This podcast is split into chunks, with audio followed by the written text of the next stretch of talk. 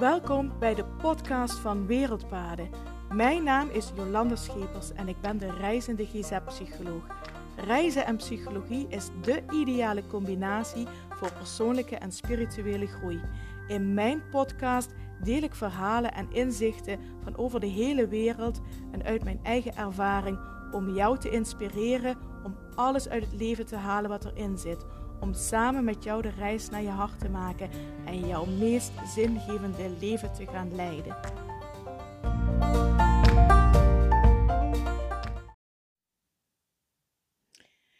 Goedemorgen en super fijn dat je weer luistert naar de podcast van Wereldpaden.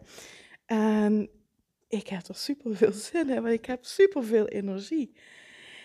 Ik moet je zeggen, ik heb ehm, echt heel lekker geslapen. Ik ben trouwens bezig met um, echt letten dat ik voldoende slaap krijg. Ik probeer minstens 7 uur te slapen.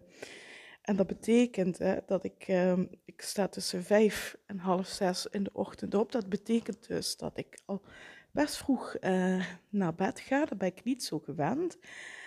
Dus ik heb uh, zeven uur geslapen en ik heb uh, vanochtend um, zakte ik uh, in een meditatie van een uur. En het was zo heerlijk en zo fijn. En het heeft gemaakt dat ik um, ja, nu enorm veel energie heb en enorm veel zin in de dag heb. En enorm veel zin heb om een podcast op te nemen. Ja, dat is echt zo lekker. Ik kan het trouwens iedereen aanraden om echt te zorgen dat je voldoende slaap hebt. 7 à 8 uur per nacht. En het voelt echt zo lekker en zo innoverend. En eh, ja, ik start elke dag met een meditatie en vooral de meditaties in de vroege ochtend. Zoals ik uh, vijf uur, half zes opsta. En dan, is het, dan hangt er zo'n heerlijke, fijne stilte. En als je dan in meditatie gaat, ik ben vanochtend, heb ik een uur gemediteerd. Ik had helemaal niet door dat ik al een uur aan het mediteren was, maar dat, uh, ja, toen ik weer uit de meditatie kwam, zag ik dat het al uh, half zeven was. En ik was al uh, voor half zes, zat ik al in meditatie. Dus ja, de tijd um, stond even stil. Dat was echt heel fijn. En dat maakt dus nu ook dat ik uh, vol energie aan deze dag begin.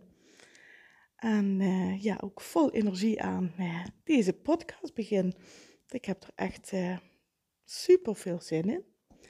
Ik heb gisteren ben ik um, trouwens bezig geweest met um, met de voorbereidingen van mijn zorgverlenersretreat. Het retreat gaat plaatsvinden op 31 maart, 1 april en 2 april. Dus het retreat bestaat uit drie dagen, twee nachtjes. En uh, het is speciaal voor zorgverleners en voor coaches. En ja, ook daarin krijg ik um, zoveel energie van en daar heb ik zoveel zin in. En uh, ik heb trouwens ook besloten dat uh, het retreat, dat we daar ook gaan starten met een vroege meditatie. Ik haal zelf zoveel uit die vroege ochtend en zeker uit die meditatie in de vroege ochtend. Dus die gaat in het retreat ook terugkomen. En waarom heb ik dan speciaal een retreat voor zorgverleners en coaches?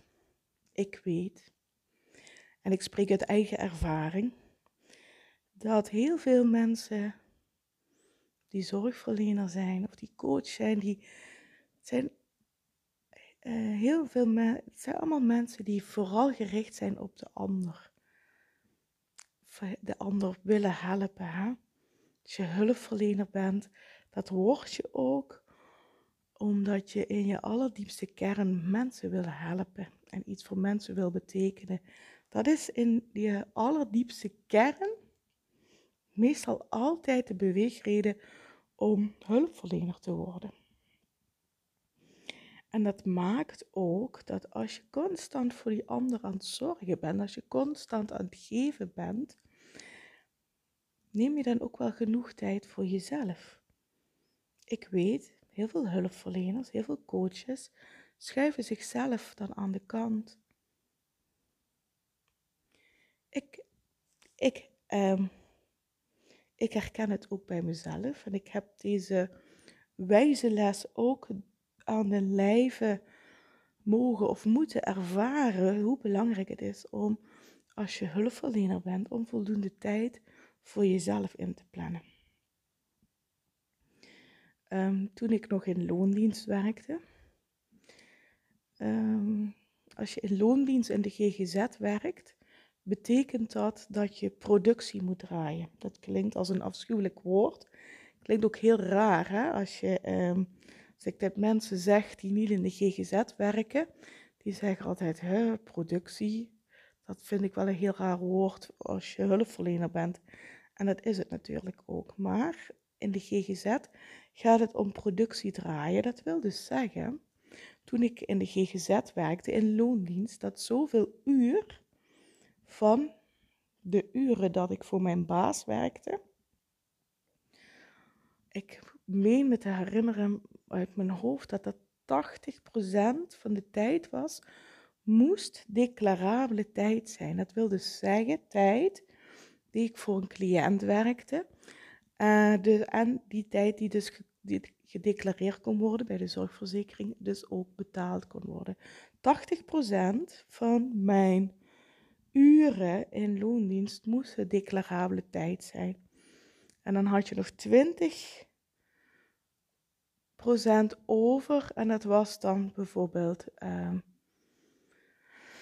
uh, dat je uh, over praktische dingen iets moest overleggen met een collega of um, een, eh, een, een werkoverleg over praktische zaken of een, een telefoontje wat, niet, wat je niet kon declareren of wat dan ook. Maar geloof mij, dat is niet zoveel. 20% uh, van je tijd moest, mocht niet uh, mocht niet declarabel zijn en de rest moest allemaal productiviteit zijn. Dus de werkdruk lag ontzettend hoog. Toen ik uh, mijn eigen praktijk begon, toen hoefde ik natuurlijk niet meer te voldoen aan de productiecijfers. Maar toen wilde ik zo graag, toen wilde ik het liefst iedereen zo snel mogelijk helpen. Ik vond het verschrikkelijk om tegen mensen te zeggen dat ze op de wachtlijst moesten. En dat ze moesten wachten. Met als gevolg dat ik vijf dagen in de week acht à negen afspraken ingepland had staan. En dat heb ik echt een paar jaar lang zo gedaan. En geloof mij, daarin, dat kan ook niet anders, heb ik mezelf echt weggecijferd. En dat resulteerde erin dat ik uh, heel moe was uh, mijn plezier in mijn werk verloor. Er geen zin meer in had, geen energie had. Uh, hè, noem maar op. Nou, hè, dat zijn allemaal signalen dat het lichaam en de geest afgeeft van ja, het is te veel. Ik heb dus nu ook echt geleerd om een veel betere balans aan te houden en echt ook tijd voor mezelf te maken. Want als je hulpverlener bent, als je een gever bent, zul je jezelf ook moeten voeden, want anders heb je niks meer om te geven. Dat is ook een reden wat ik net zei, dat ik um, elke ochtend begin met een meditatie. En vanochtend um, heb ik een uur gemediteerd. En een uur mediteren, dat is geen uitzondering. Ik zet nooit een klok als ik ga mediteren. Ik kijk wel hoe lang de meditatie duurt. Maar mijn meditaties de laatste tijd, die zijn vaak tussen een half uur en een uur. Dus dat is echt geen uitzondering. En het is zo fijn. Dus ik heb door de jaren heen uh, geleerd om echt tijd voor mezelf vrij te maken en goed voor mezelf te zorgen. En dat maakt ook dat ik um, dan elke dag als ik in de praktijk uh, met mensen aan het werk ben, ik dat ook met heel veel plezier en energie kan doen.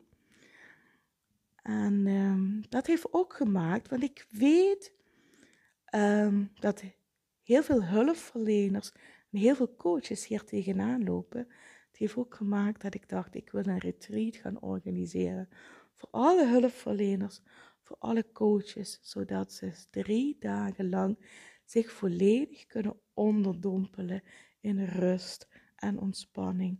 En zichzelf kunnen voeden met die rust en die ontspanning.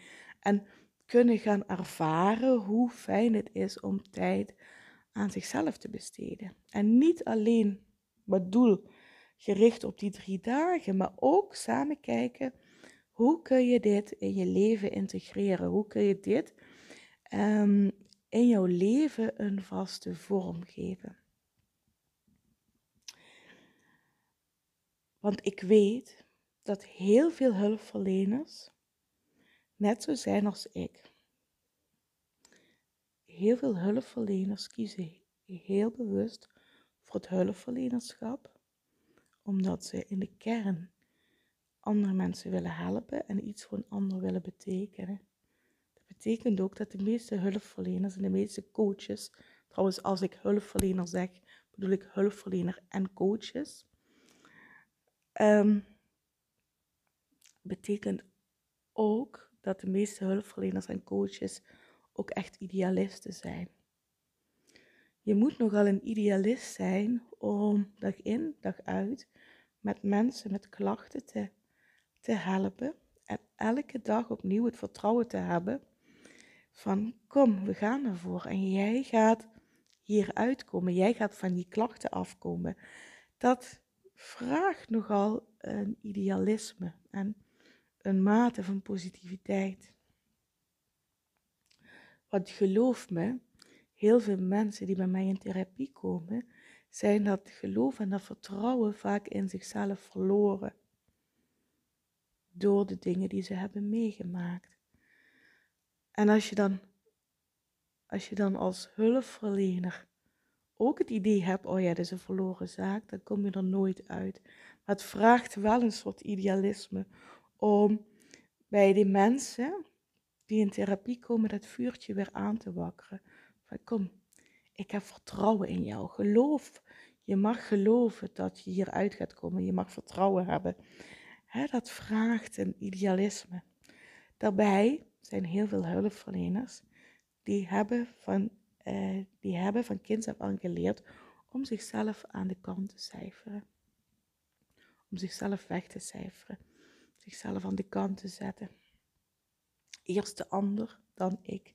Dat komt omdat uh, heel veel hulpverleners en coaches, volgens mij, ben me niet vast op de cijfers, ben nooit zo goed in de cijfers, maar ik dacht dat het rond de 75% van de hulpverleners en coaches uh, zijn die uit een gezinssituatie komen waarin er problemen zijn geweest, waarin uh, een van de ouders bijvoorbeeld psychische klachten heeft gehad of ziek is geweest, of een broertje of een zusje ziek is geweest of klachten heeft gehad. In elk geval uit een gezin waarin uh, ze al van kleins af aan hebben geleerd om voor de ander te zorgen en zichzelf daarin weg te cijferen. Heel veel hulpverleners en coaches komen uit zo'n gezin en hebben dus dit ook als patroon. Zelfopoffering noemen we dat dan. Het patroon zelfopoffering. En um, ja, dat maakt dan ook dat, dat diepe verlangen, omdat ze al van kleins af aan geleerd hebben om voor de ander te zorgen en de ander te helpen, daaruit komt dat hele diepe verlangen vaak ook voort om andere mensen te gaan helpen en iets voor andere mensen te betekenen. Maar daarnaast ook het patroon van die zelfopoffering, zichzelf aan de kant zetten om voor die ander te zorgen, dat maakt dan soms dat dat wel gaat wringen. Want, en dat, dat op een gegeven moment uh, de tank leeg is. Dat is ook zeg, echt wel een, een valkuil voor heel veel hulpverleners en heel veel coaches. Daarnaast zie je dat heel veel uh, hulpverleners en coaches een enorme hoge verantwoordelijkheid hebben. Dat komt ook voort uit hè, wat ik net zeg, omdat de meeste hulpverleners en coaches eh, opgegroeid zijn in een gezin waar ze al van kleins af aan hebben gezorgd voor een ander, wie dat dan ook is. En dat heeft daarmee samenhangend ook geleid dat ze al vanaf heel jonge leeftijd de verantwoordelijkheid hebben gedragen. Dus heel veel hulpverleners en coaches voelen een hele hoge verantwoordelijkheid. En hanteren daarin ook best hoge normen voor zichzelf. Leggen de lat vaak heel erg hoog voor zichzelf. En je kunt je voorstellen als je constant zo verantwoordelijk voelt en als je constant zulke hoge normen voor jezelf neerlegt en de lat heel hoog legt voor jezelf en heel veel van jezelf eist. Kijk maar terug, hè, wat ik een aantal jaren geleden deed. Acht afspraken per dag, acht à negen afspraken per dag, vijf dagen in de week. Dat kwam voort uit een hele hoge verantwoordelijkheid die ik voelde voor de mensen die bij mij in therapie kwamen. En ook dat ik de lat enorm hoog voor mij legde, omdat ik vond van ja, maar ik wil die mensen helpen. Ik wil die mensen helpen. Ehm, waardoor je op een gegeven moment ben je echt door je energie heen. En ehm, dat zijn valkuilen waar niet alleen ik tegenaan gelopen ben, maar ik weet dat heel veel hulpverleners en heel veel coaches tegen diezelfde valkuilen aanlopen. Want er is wel een lijn te zien in het soort patronen die um, hulpverleners en coaches een beetje collectief hebben.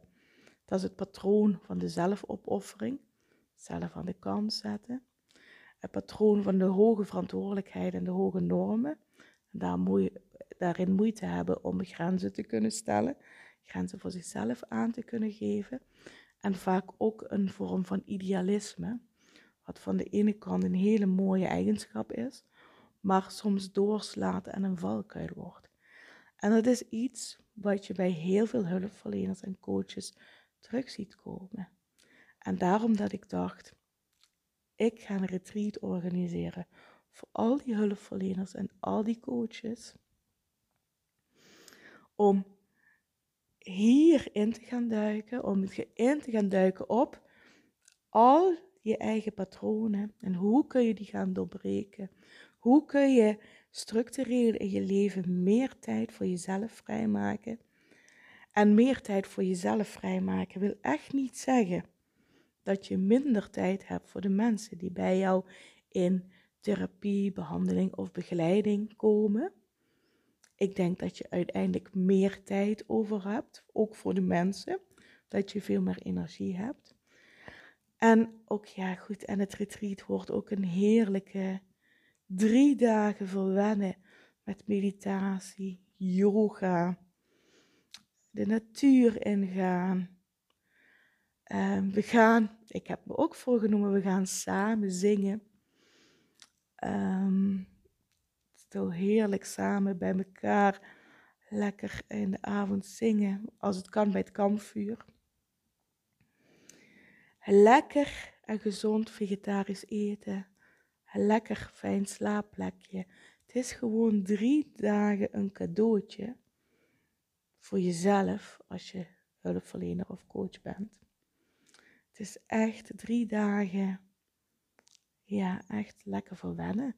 En daarnaast ook samen kijken wat kun je structureel in je leven veranderen, zodat je, um, zodat je echt uh, elke dag tijd en ruimte hebt voor jezelf, om jezelf weer te voeden, bij te tanken, energie op te laden, te inspireren.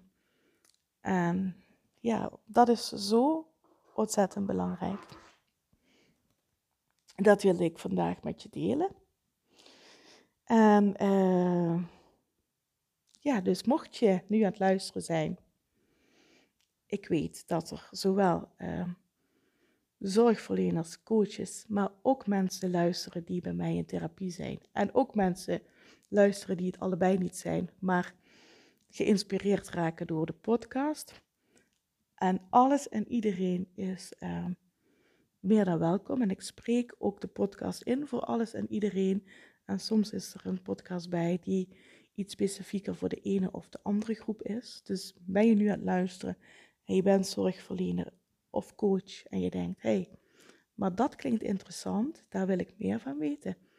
Stuur me een berichtje, een DM of een berichtje uh, via Facebook of LinkedIn.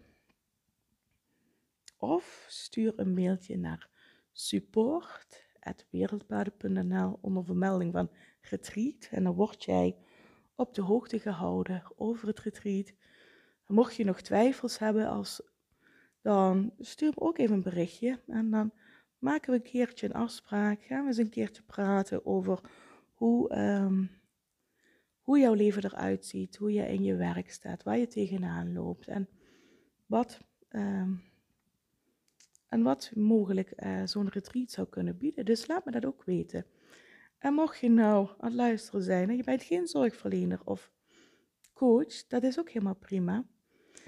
Um, mocht je nou aan het luisteren zijn en je bent in behandeling bij mij of bij een andere zorgverlener of coach,